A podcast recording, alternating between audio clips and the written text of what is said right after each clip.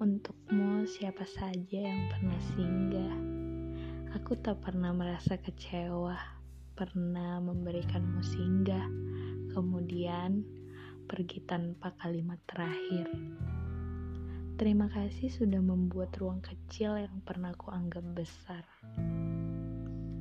Sendiri ternyata lebih menyenangkan. Bahkan di tengah keramaian juga merasa sendiri lantas sendiri menjadi yang terbaik. Sendiri selalu jadi cerita menyenangkan, sekaligus menenangkan. Lebih tepatnya, menyendiri. Menyendiri menjadi momen di mana kita itu bebas, mau ngapain aja, tanpa memperdulikan apa yang harusnya. Menyendiri bagi saya menjadi aset untuk jiwa.